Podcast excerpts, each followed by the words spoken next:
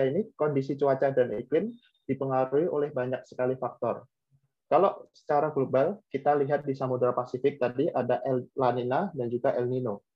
Kita lihat di barat Indonesia, di Samudra Hindia, ada juga Assalamualaikum warahmatullahi wabarakatuh. Oke, apa kabar nih semuanya? Kita berjumpa lagi di GeoCast, Geofisika Podcast dari Divisi Keprofesian HMGI Wilayah 4. Dalam 60 menit ke depan, saya, Agus Rahmatullah, akan menemani hari kalian melalui GeoCast, Geofisika Podcast. Tentunya saya tidak sendirian. Di sini saya ditemani oleh rekan saya, Kak Himatus. Halo Kak Himatus. Halo Kak Agus. Gimana kabarnya Kak Himatus? Alhamdulillah baik nih. Dari Kak Agus gimana nih kabarnya? Dari saya selain baik ini kayak semangat juga untuk memandu teman-teman di Geo Geocast atau Geofisika Podcast ini. Kalau dari Kak Himatus semangat juga nggak? Oh tentunya dong Kak Agus. Meskipun kita weekend kita harus tetap semangat karena kita mau dapat ilmu baru nih Kak Agus. Keren banget nih ilmu yang akan kita dapat pada episode kali ini. Oh iya Kak. Um, tentunya nggak cuma kita doang nih yang harus semangat. Dari teman-teman pendengar Geocast juga harus semangat dan untuk mendapatkan ilmu ini juga perlu teman-teman ketahui ya, ilmu kan ibaratnya seperti binatang buruan ya. Kita harus mengikatnya dengan tulisan. Jadi teman-teman bisa mempersiapkan alat tulisnya di rumah buat mendengarkan materi yang akan disampaikan. Nih, Kak Imatus ya. Uh, kira-kira materi apa sih yang bakal disampaikan dalam geocast ini? Oke, di podcast kali ini, di episode kali episode ke-6, kita akan membahas mengenai informasi seputar dunia geofisika, yakni La Nina, Phenomenon and the Early Warning System of La Nina. Nih, keren banget gak nih Kak Agus? Dari judulnya pun udah keren. Gimana kalau materinya pastinya udah keren banget nih.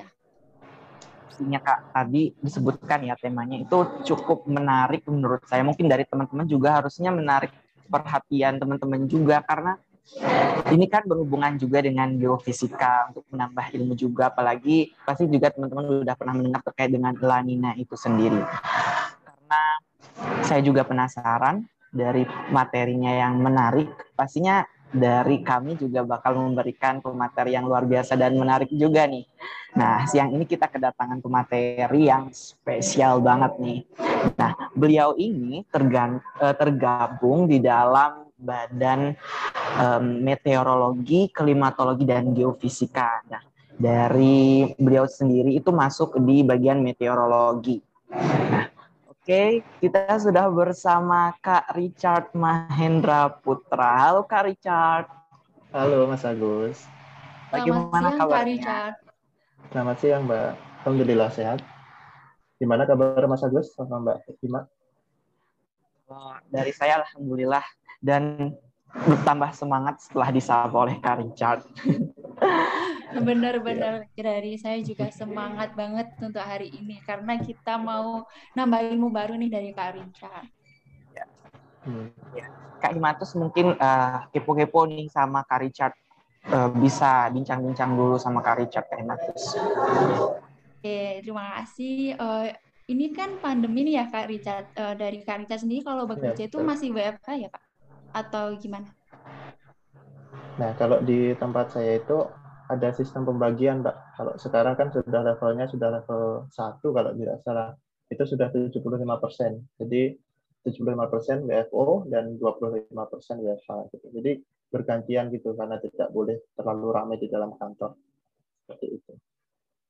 Oke, terima kasih Kak Richard. Nah, kalau semisal uh, eh, WFH itu uh, kayak ada negatifnya kayak gimana ya Kak? Kalau dari Kak Richard sendiri negatifnya apa ya? Nah, kalau menurut saya ketika BFA itu yang susah itu koordinasinya gitu. Jadi kan semua via Zoom kan. Nah, dan rapat-rapat juga semakin padat gitu karena kalau langsung ke kantor kan paling satu tempat saja. Tapi kalau Zoom itu bisa kadang membagi-bagi gitu. Nah, sisanya di di samping itu juga jaringan. Kadang kan jaringannya hilang, terus kita jadi tidak bisa fokus karena jaringannya hilang seperti itu. Itu oh, ya, benar. yang dirasakan ketika WFH. Ya, apalagi kan sekarang musim penghujan ya Kak Richard. Jadi takutnya apalagi yang tidak pakai ya, uh, wifi itu sinyalnya sering hilang juga. Nah, itu. ya. Aku penasaran nih Kak Himatus. Kak Richard posisinya di mana sekarang? Nah, di mana apanya? Di kotanya atau posisi sekarang, sekarang? kotanya? Oh, kalau kotanya tinggalnya saya di Jakarta, di Kemayoran. Tinggalnya. siap, Kak. Semoga ya. sehat selalu ya, Kak. Iya. ya, gimana nih, Kak Imatus?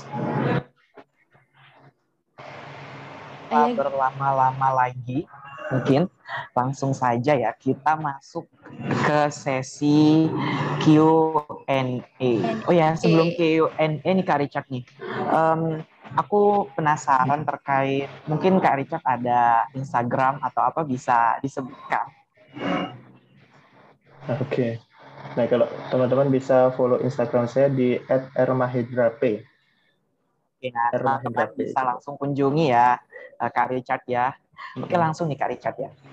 Um, untuk pertanyaan pertama pastinya basic dulu ya Kak. Terkait dengan uh, apa itu fenomena lanina menurut pandangan geofisika nih Kak Richard?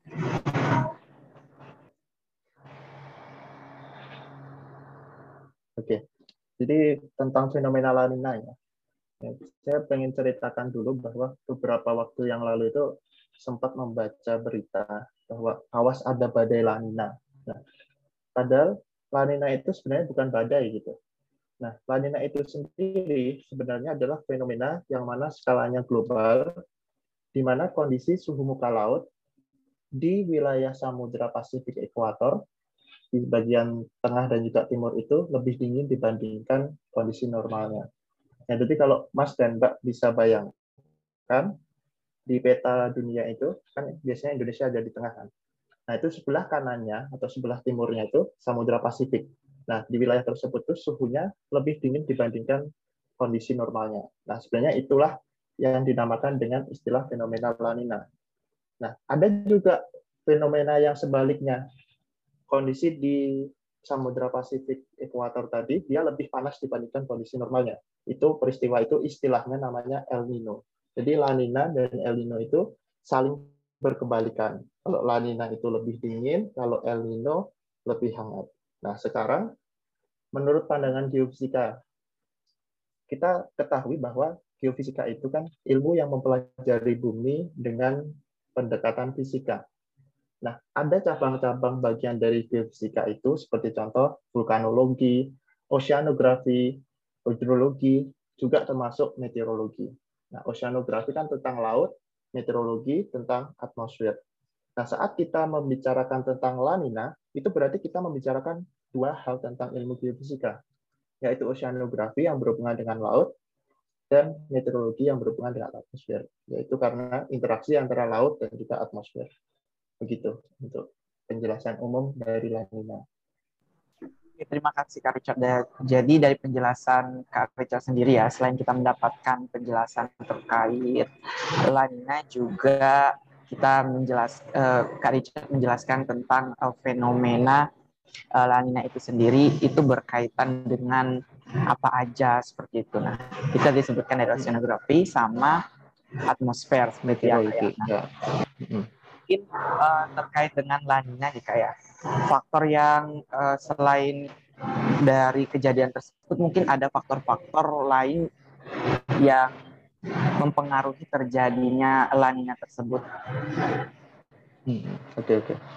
Baik, jadi kan kita bayangkan tadi lanina itu adalah kondisi suhu muka laut di Pasifik Ekuator yang lebih dingin dibandingkan kondisi normalnya. Nah, kalau kita baca dari beberapa literatur, Kondisi tersebut bisa terjadi akibat dari interaksi antara permukaan laut dan juga atmosfer di Pasifik. Nah, fenomena ini sebelumnya itu diawali dengan penumpukan massa air yang berada di bawah Pasifik dengan kondisi yang lebih dingin dibandingkan normalnya. Nah, kemudian atmosfer di atasnya Pasifik itu memiliki kecepatan angin yang lebih kencang.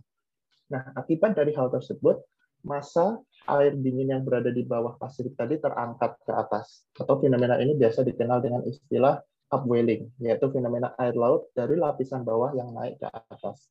Nah, karena masa udara dingin yang bawah tadi naik ke atas, otomatis suhu muka laut di wilayah tersebut juga akan menjadi lebih tinggi dibandingkan kondisi normalnya. Mungkin seperti itu untuk mengapa dan proses fenomena dari penyebab lanina ini. Oke kak, dari fenomena lanina sendiri ya kak, ya? di Indonesia sendiri mungkin eh, potensi terjadinya lanina atau wilayah-wilayah yang berpotensi seperti itu kak, itu seperti apa ya kak terkait potensinya? Oke, sebelum saya jawab dulu, jadi kan tadi potensi kejadian lanina di Indonesia gitu kan. Jadi nggak seperti itu konsepnya. Jadi lanina itu bukan di Indonesia. Lanina itu kondisi suhu muka laut di Pasifik ekuator di timurnya Indonesia. Nah, tapi ketika kondisi suhu muka laut di sana itu lebih dingin, itu juga berdampak kepada Indonesia. Jadi gitu. Jadi Indonesia tidak terjadi lanina, tapi di bumi ini sedang terjadi lanina. Lalu di Indonesia akan terdampak akibat dari fenomena tersebut. Nah, dampaknya itu beragam di wilayah Indonesia. Terutama dampaknya adalah terhadap kondisi curah hujan bulanan dan juga musiman. Nah, selain La Nina, ini untuk pengetahuan, di wilayah Indonesia ini kondisi cuaca dan iklim dipengaruhi oleh banyak sekali faktor. Kalau secara global, kita lihat di Samudra Pasifik tadi ada El La Nina dan juga El Nino. Kita lihat di barat Indonesia, di Samudra Hindia, ada juga fenomena yang sama, yaitu suhu muka laut lebih hangat dan juga lebih dingin. Istilah kalau di sana itu dipole mode. Lalu ada juga fenomena lain yang mana skalanya itu mingguan, itu seperti contoh NGO, Madden Julian Oscillation.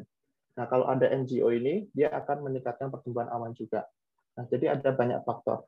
Nah, sekarang saya fokus ke lanina tadi.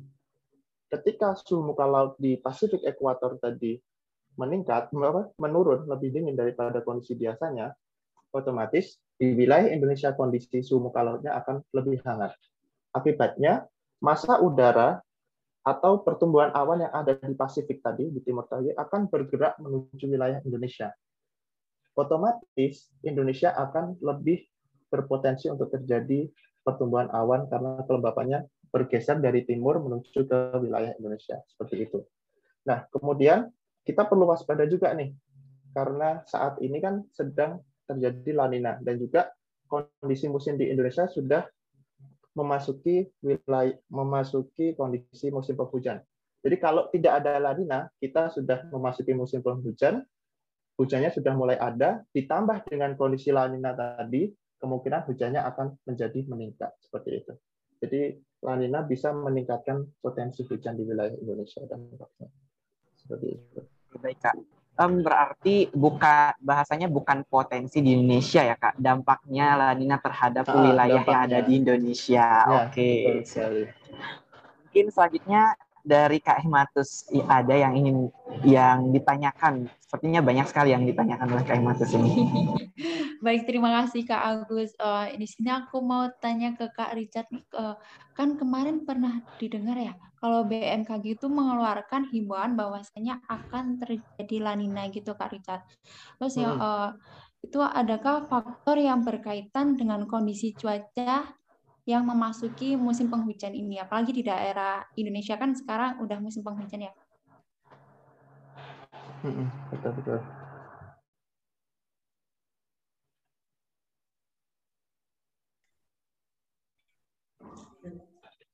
Oke. Ya, benar sekali yang dikatakan Mbak Himatus tadi. BMKG mengeluarkan early warning tentang waspada lanina. Bisa cek di postingan BMKG di Instagram resmi @info_bmkg. Saya lihat itu sekitar tanggal 10 November 2021. Nah, di situ kita memberikan warning kepada masyarakat terutama karena peristiwa lanina ini akan bisa menyebabkan potensi peningkatan bencana-bencana hidrometeorologis. Karena apa? Ketika memasuki musim penghujan, maka bencana hidrometeorologis itu sudah mulai akan lebih intens. Contoh ketika hujan lebat, itu bisa terjadi banjir, kemudian banjir bandang, tanah longsor, angin kencang, puting beliung, dan lain sebagainya. Nah, akibat dari lanina ini, peristiwa itu menjadi lebih diperkuat gitu potensinya tadi itu. Kan musim hujan musim hujan akan menjadikan potensi bencana hidrometeorologis ditambah dengan kondisi lanina yang mana kondisi lanina ini dia akan meningkatkan intensitas curah hujan yang ada di wilayah Indonesia. Jadi seperti itu. Waduh, cukup berdampak besar juga ya Kak bagi uh, bencana mm -hmm. alam yang ada di Indonesia ini. Apalagi. Uh, terus yeah. untuk langkah yang harus kita lakukan nih Kak sebagai masyarakat untuk menghadapi fenomena lanina yang akan datang itu kira-kira apa aja ya Kak? Oke. Okay. Nah, kalau untuk langkah apa saja yang bisa dilakukan masyarakat, yang pertama pasti lebih waspada terhadap kondisi-kondisi cuaca ekstrim yang berpotensi terjadi di sekitar kita. Karena sekarang juga seperti yang dikatakan tadi sudah memasuki musim penghujan, ditambah lagi ada fenomena lanina, jadi kita harus lebih waspada lagi. Seperti contoh, untuk diri kita sendiri ketika di rumah kita cek apakah di rumah kita ada kondisi yang bocor atau dindingnya retak dan lain sebagainya. Itu segera kita perbaiki. Nah, kemudian kita harus memastikan saluran air di sekitar lingkungan kita itu memiliki sistem yang bagus. Jadi tidak sampai tergenang gitu. Nah, kita harus cek dan tidak boleh ada sumbatan akibat sampah. Kemudian karena cuaca ekstrim lebih berpotensi terjadi saat ini, maka pohon-pohon besar yang ada di sekitar rumah kita sebaiknya sedikit dipangkas. Lalu kita perlu menyiapkan adanya tas darurat apabila nanti akan apabila nanti terjadi kondisi ekstrim yang kita tidak bisa melakukan apa pun misalkan tiba-tiba ada banjir bandang dan lain sebagainya. Jadi kita sudah siapkan tas darurat di mana itu bisa berisi makanan obat-obatan jas hujan charger center dan lain sebagainya.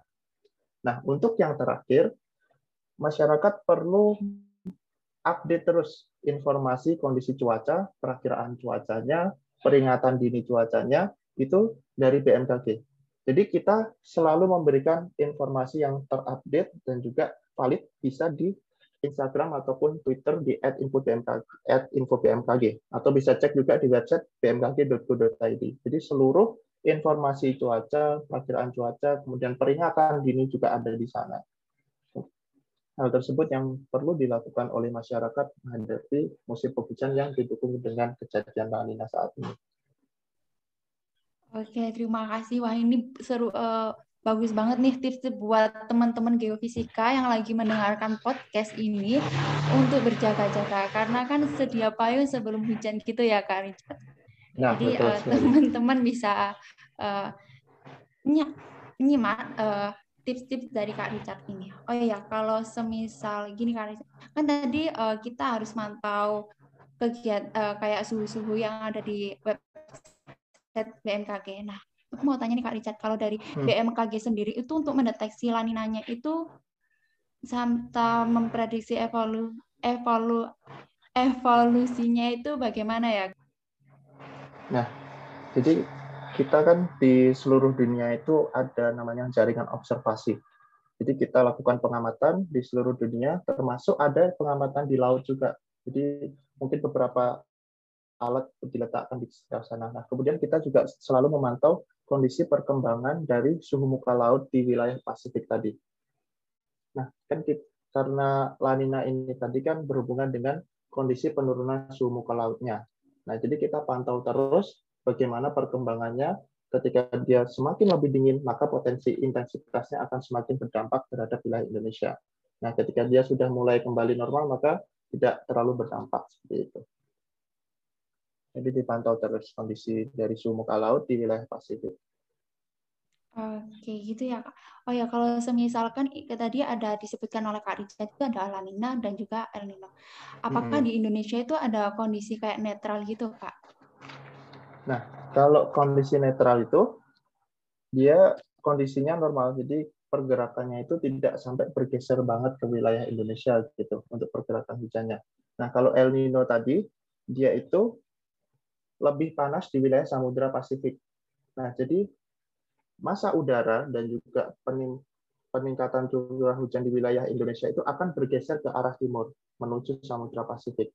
Nah, kalau La Nina itu berdampak peningkatan curah hujan di wilayah Indonesia, kalau El Nino itu sebaliknya, dia akan mengurangi intensitas curah hujan di wilayah Indonesia. Nah, itu untuk La Nina dan juga El Nino.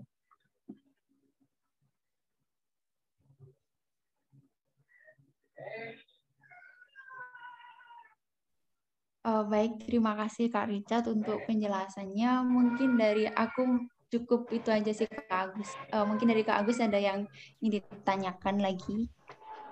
Kak Richard tadi saya sedikit dengar itu dari BMKG kan memberikan kayak info-info melalui Twitter atau apa seperti ya Kak Richard. Betul betul.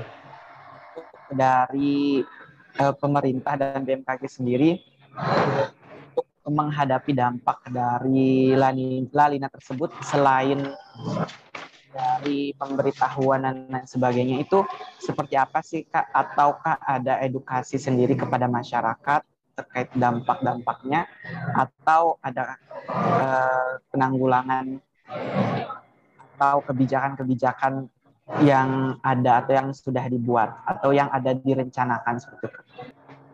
Oke, terima kasih pertanyaannya Mas Agus. Jadi kalau untuk antisipasi dan waspada dampak lanina ini sebenarnya kita antar kementerian juga selalu bekerja sama, kemudian berkoordinasi serta memberikan informasi yang paling akurat, maksudnya paling update kepada masyarakat. Jadi misalkan contoh akan terjadi kejadian yang cukup ekstrim, misalkan hujan lebat, angin kencang, disertai petir itu, kita selalu memberikannya selain kepada masyarakat juga kepada BNPB, kemudian kepada instansi-instansi pemerintah yang membutuhkan lain, dan lain sebagainya. Nah, kemudian kalau edukasi kepada masyarakat, di BMKG sendiri ada beberapa program edukasi, seperti contoh, istilahnya itu namanya SLI, Sekolah Lapang Iklim. Nah, itu kita memberikan edukasi tentang cuaca dan iklim untuk pertanian. Itu kalau SLI. Kemudian ada juga SLG, itu Sekolah Lapang Geofisika. Itu tentang gempa bumi dan tsunami. Karena kita harus ketahui bang bahwa bencana yang ada di Indonesia itu tidak hanya bencana yang bersifat hidrometeorologis akibat cuaca dan iklim. Ada juga bencana alam seperti contoh gempa bumi dan juga tsunami. Nah, itu kita mengedukasi melalui program namanya SLG. Kemudian kalau kerjasama terhadap stakeholder lain seperti contoh di penerbangan itu ada namanya SLMP Sekolah Lapang Meteorologi Penerbangan. Nah itu kita memberikan pengetahuan cuaca yang berhubungan dengan dunia penerbangan. Nah seperti itu. Jadi kita terus melakukan koordinasi baik dengan stakeholder, kelembagaan dan juga dengan masyarakat. Kalau masyarakat melalui edukasi-edukasi tadi. Nah untuk informasi semuanya itu kita selalu update di Twitter, Instagram, dan juga YouTube di @infobmkg. Jadi bisa dicek terus di sana. Kita selalu update setiap hari. Warning pun juga, misalkan seperti contoh kemarin ada beberapa kondisi ekstrim kayak siklon tropis teratai kemarin itu kita juga update dan dampaknya di wilayah mana saja. Oke Kak Richard, uh, dari penjelasan Kak Richard tadi dan dari se semua pertanyaan ada pertanyaan satu lagi Kak dari saya. Terkait dengan jadinya lanina, lanina tersebut apakah uh, apakah ada kayak ini lanina bakal terjadi tanggal segini dan tanggal segini nah terus okay cara menentukan hal tersebut uh, dari para ahli itu seperti apa ya? Oke, nah baik, terima kasih. Nah, saya ulangi lagi. Jadi lanina itu tidak skala fenomena itu skalanya global. Nah, dia tidak terjadi tanggal sekian, tanggal sekian, tanggal sekian tidak kita memantaunya itu suhunya itu sekitar rata-rata bulanannya gitu. Jadi dia ada indeksnya istilahnya. Jadi ada berapa nilai penurunan suhu muka laut di sana, nah itu seperti apa gitu. Nah, kita bisa melihat apakah dia itu lanina atau tidak, itu bisa dari indeks salah satunya. Misalkan kalau menurut National Center for Environment Prediction, itu lanina yang itu ada tiga kategori, yaitu lanina yang dia masih lemah, itu nilai dari indeksnya namanya indeks ONI itu sekitar 0,5 sampai 0,9 minus 0,5 sampai minus 0,9 derajat Celcius. Itu untuk lanina yang lemah. Kemudian ada juga lanina yang moderate. Itu indeks ONI-nya itu minus 1,0 sampai minus 1,4 derajat Celcius. Dan terakhir untuk lanina kuat itu indeks ONI-nya itu minus 1,5 hingga minus 1,9 derajat Celcius. Nah, seperti itu. Jadi para ahli itu mengkategorikan beberapa kondisi lanina itu berdasarkan dari indeksnya tadi. Nah, indeks tersebut berdasarkan dari berapa penurunan suhu muka lautnya itu. Jadi semakin dia lebih dingin dibandingkan normalnya, dia akan semakin kuat dan juga dampaknya akan semakin besar, terutama juga di wilayah Indonesia. Gitu.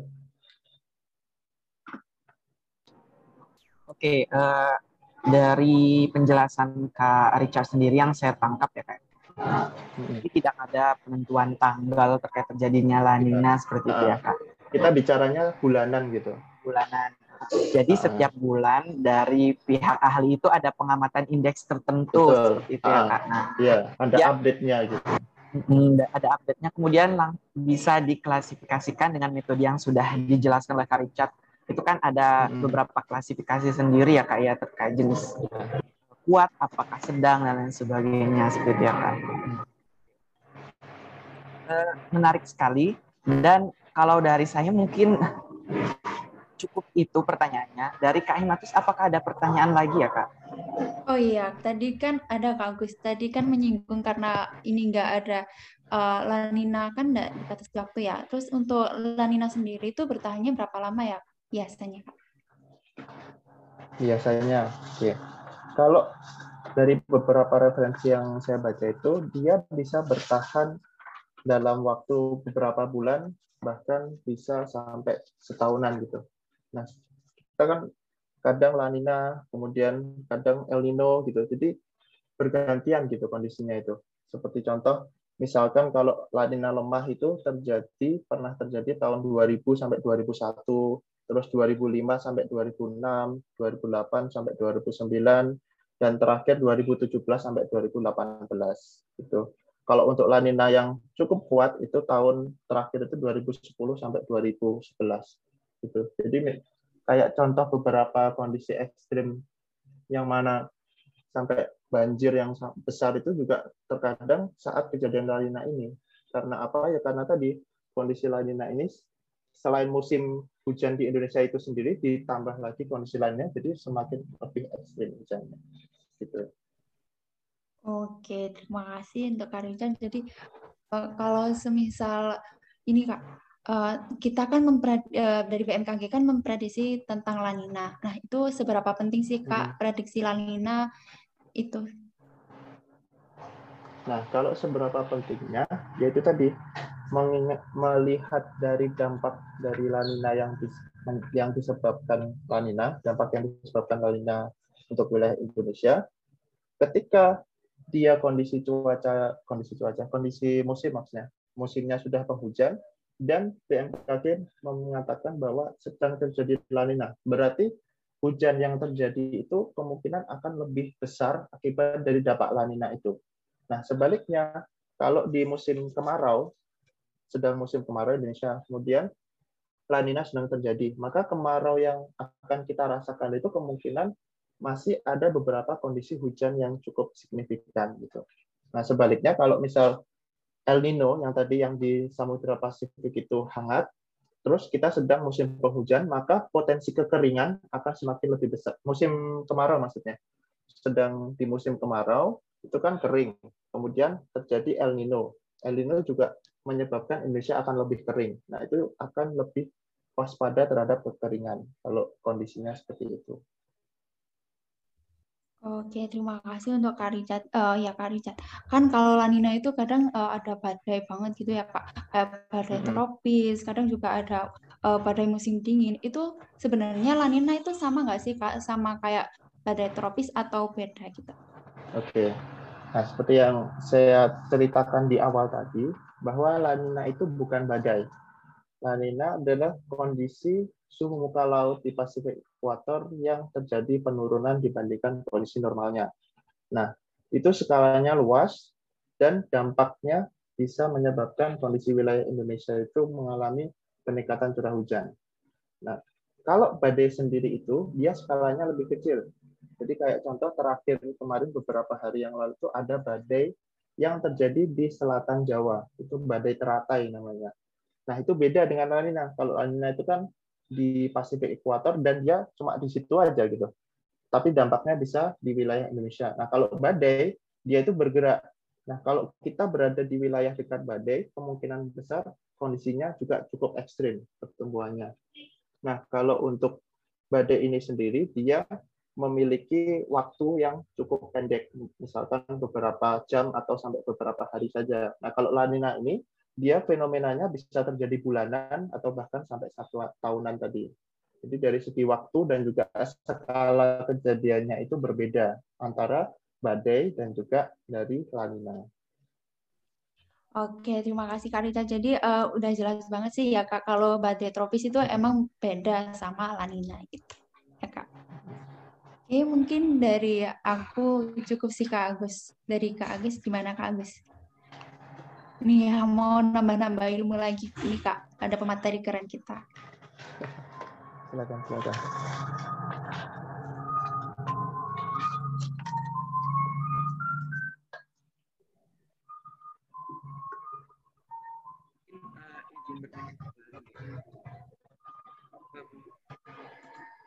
Untuk di wilayah Jawa Timur sendiri, uh, Manina sendiri itu ya.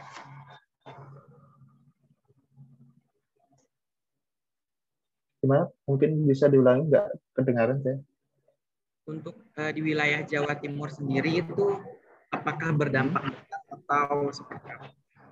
Oke, baik. Terima kasih. Nah, kita ketahui dulu bahwa wilayah Jawa Timur itu sekarang apa ya? tipe hujannya itu sama dengan wilayah Jawa secara keseluruhan, yaitu tipe hujan namanya monsunal. Yang dia disebabkan oleh angin monsun yang dari Asia menuju Australia. Nah, itu karakteristiknya biasanya puncak hujannya ada di bulan Desember, Januari, dan juga Februari. Itu di Jawa Timur. Nah, sekarang dampak dari lanina itu misalkan kayak sekarang ini kan sudah masuk bulan Desember, berarti sudah mulai ada hujan, berarti sudah memasuki musim hujan lah di Jawa Timur. Nah kemudian dia di ada lanina juga. Nah jadi potensi kondisi ekstrim cuaca ekstrim di Jawa Timur itu akan meningkat untuk beberapa bulan ini. Itu sama seperti yang warning yang diberikan oleh BMKG di Instagramnya itu. Jadi perlu diwaspadai untuk wilayah Jawa Timur, kemudian Jawa secara keseluruhan, Nusa Tenggara, Bali itu karena sudah memasuki musim hujan dan juga ada fenomena lanina, maka potensi pertumbuhan awan dan kondisi cuaca ekstrim akan lebih besar potensinya.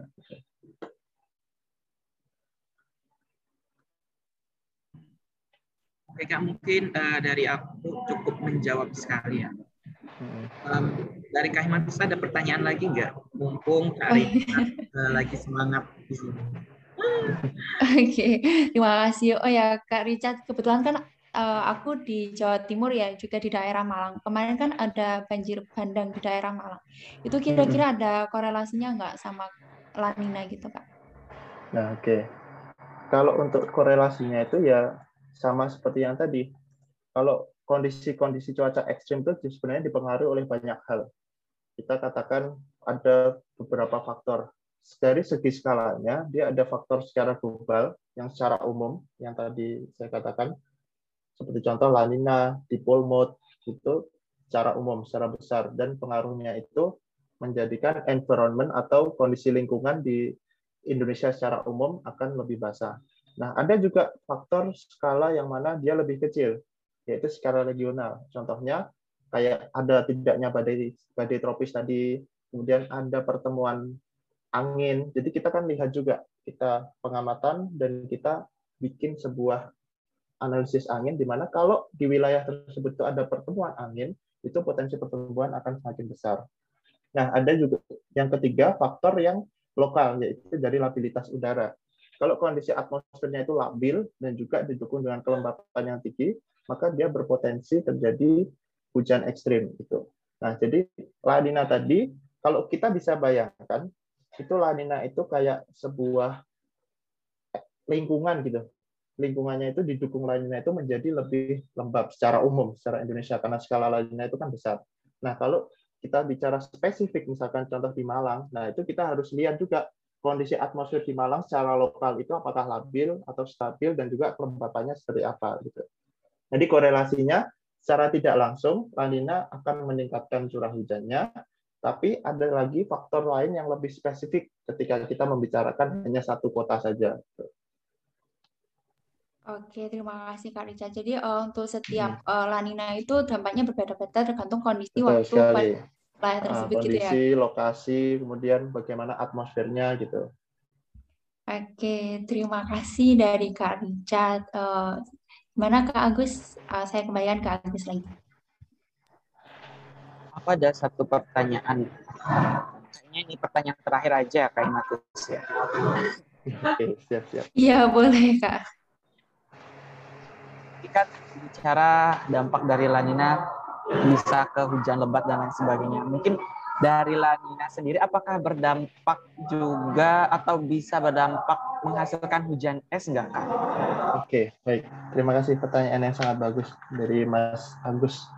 Jadi gini, secara umum kan lanina itu akan menyebabkan kondisi di wilayah Indonesia ini menjadi semakin lembat dan potensi pertumbuhan awan akan semakin besar. Nah, sekarang ketika kita membicarakan hujan es, hujan lebat, nah itu kita berbicaranya sebenarnya pada pertumbuhan awannya. Nah, pertumbuhan awan itu ada beberapa jenis, tapi yang awan yang bisa menghasilkan hujan es, petir, angin kencang, kemudian hujan lebat itu adalah awan cumulonimbus namanya. Jadi kalau lanina sendiri itu dia dampaknya bisa meningkatkan potensi pertumbuhan awan cumulonimbus.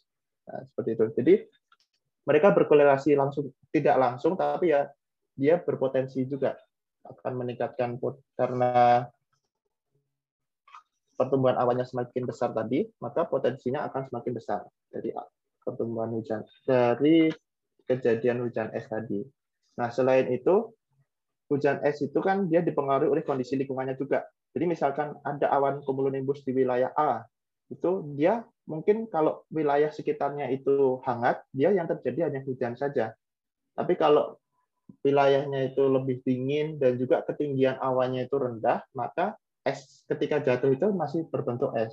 Jadi sebenarnya di awan cumulonimbus itu terdiri dari tiga bagian. Yang paling bawah terdiri dari air, yang tengah terdiri dari campuran air dan es, yang paling atas terdiri dari es. Nah, es itu jatuh sebenarnya dari awan cumulonimbus. Jatuh, kemudian ketika dia mencapai permukaan di atmosfer yang di yang bukan awan, ketika kondisinya hangat, maka esnya itu sebenarnya meleleh. Tapi kalau yang ketika dia turun dan kondisi lingkungannya dingin, disertai tinggi tinggi dasar awannya itu tidak terlalu tinggi, jadi dia masih berbentuk es jatuhnya. Jadi sebenarnya hujan yang kita rasakan itu sebenarnya es yang mencair saat masuk di atmosfer gitu masuk di lingkungannya gitu.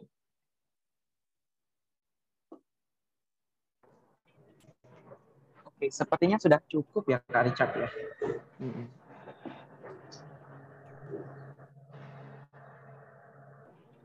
Apakah suara saya terdengar Kak Richard? Iya, terdengar, terdengar sepertinya dari Kak Richard uh, sudah banyak sekali ya informasi yang kita gali dan dari teman-teman yang lain pastinya ada yang masih penasaran atau ada banyak pertanyaan-pertanyaan. Itulah terkait obrolan-obrolan kita ya, uh, katakan sedikit, enggak, itu banyak banget informasi yang kita dapatkan mengenai tadi tema yaitu terkait La Nina fenomena and the early warning system of La Nina. Ternyata bincang-bincang tadi cukup seru juga walaupun kita ada sesinya harus serius mendengarkan atau teman-teman yang mencatat di rumah seperti itu yang mendengarkan geocast ini. Oke, uh, dari obrolan kita, kita tadi, hal-hal apa aja sih yang dapat kita pelajari, Kak Imatus? Oke, uh, dari obrolan bincang-bincang kali ini kita dapat kesimpulkan bahwa La Nina dan La Nino itu berbanding terbalik. Kalau La Nina El itu Nino, lebih- Mbak. El El Nino, Nino. La maaf, Nina dan El Nino. Ya. El Nino sama El Nino itu berbanding terbalik. Kalau El Nino itu lebih hangat, sedangkan uh, El Nina itu lebih La dingin. Nina, Mbak. La Jadi La Nina dan juga El Nino. El Nino. Satunya La, satunya El. Mohon maaf ya Kak. Siap. jadi, terus untuk kondisi lebih dingin dari kondisi normalnya itu akibat interaksi pemlaut dan atmosfer di Pasifik. Mungkin dari saya itu aja. Mungkin dari Kak Agus ada tambahan Kak Agus.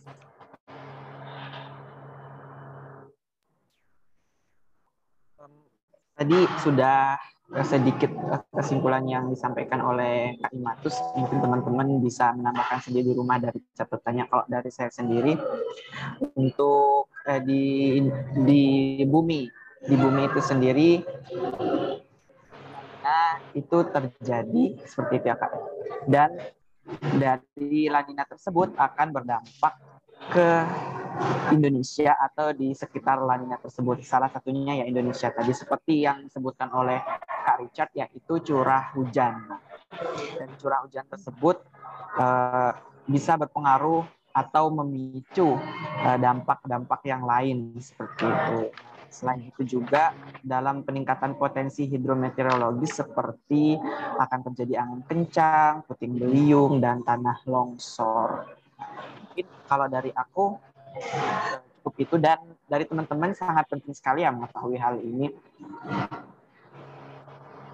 Untuk selanjutnya mungkin dari Kak Richard ada closing statement yang akan disampaikan kepada para pendengar Geocast. Oke, baik. Terima kasih Mas Agus dan Mbak Hani. Nah, kalau untuk closing statement-nya mungkin saya akan sedikit merangkum dari yang kita bicarakan tadi. Jadi seperti yang dikatakan Mbaknya tadi, bahwa La Nina itu dan El Nino itu saling berkebalikan, di mana itu adalah kondisi suhu muka laut di Pasifik. Nah, dampaknya itu akan dirasakan di wilayah kita. Kalau La Nina, dampaknya akan menjadi peningkatan curah hujan di wilayah Indonesia, kalau El Nino akan pengurangan curah hujan di wilayah Indonesia. Nah, perlu kita ketahui semua bahwa cuaca dan iklim di Indonesia itu tidak hanya dipengaruhi oleh satu faktor itu saja, tapi ada banyak, ada faktor global, regional, dan lokal, seperti yang diceritakan tadi. Nah, untuk yang terakhir, pesan saya adalah selalu pantau informasi kondisi cuaca dan iklim di dari BMKG. Bisa diinstal aplikasi info BMKG di Play Store dan App Store, kemudian follow Instagram BMKG at info BMKG, serta Twitter at info BMKG, juga YouTube info BMKG. Mungkin itu agar bisa mendapatkan pengetahuan dan juga informasi tentang cuaca dan iklim. Oke, jadi itu tadi closing statement yang disampaikan oleh Kak Richard ya dari teman-teman jika ingin menggali lagi informasi bisa dicek dari media sosial yang sudah disampaikan oleh Kak Richard, media-media sosial tentang BMKG karena Richard sendiri sudah pastinya sudah sering menggeluti hal itu ya Kak ya di BMKG ya Kak. Iya. Iya sekali. Kemudian dari teman-teman mungkin yang masih ada pertanyaan dan lain sebagainya nanti bisa kami dari dari HMGI wilayah 4 itu bakal posting di Instagram juga beberapa cuplikan dari Geocast ini. Di sana teman-teman bisa tanya-tanya atau langsung ke Instagramnya BMKG atau media sosial yang sudah disampaikan tadi oleh Kak Richard. Dan teman-teman yang mendengarkan di sini, jangan lupa follow uh, Instagram HMGI Wilayah 4 dan juga jangan lupa share uh, Geocast kali ini. Jangan lupa juga untuk mengajak teman-teman uh, geofisika seperjuangan di seluruh Indonesia ataupun mungkin ada yang punya teman di luar negeri tapi nanti kalian bisa jelasin ya Pak bahasa Inggris. Atau mungkin yang ingin membagi geocast ini ke grup keluarga.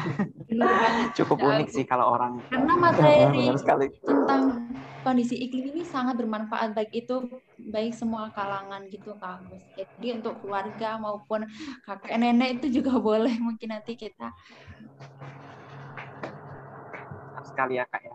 Jadi uh, mungkin kalau dari saya sudah cukup ya. Sekian bincang-bincang uh, kami bersama Kak Richard Mahendra Putra dari BMKG. Saya cukup senang sekali beri apus bersama.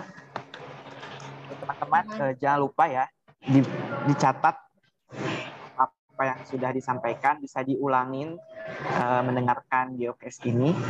Uh, saya Agus Rahmatullah bersama rekan saya Mbak ya. Selaku operator kami semua pamit undur diri. Sampai jumpa pada podcast episode selanjutnya. Assalamualaikum warahmatullahi wabarakatuh.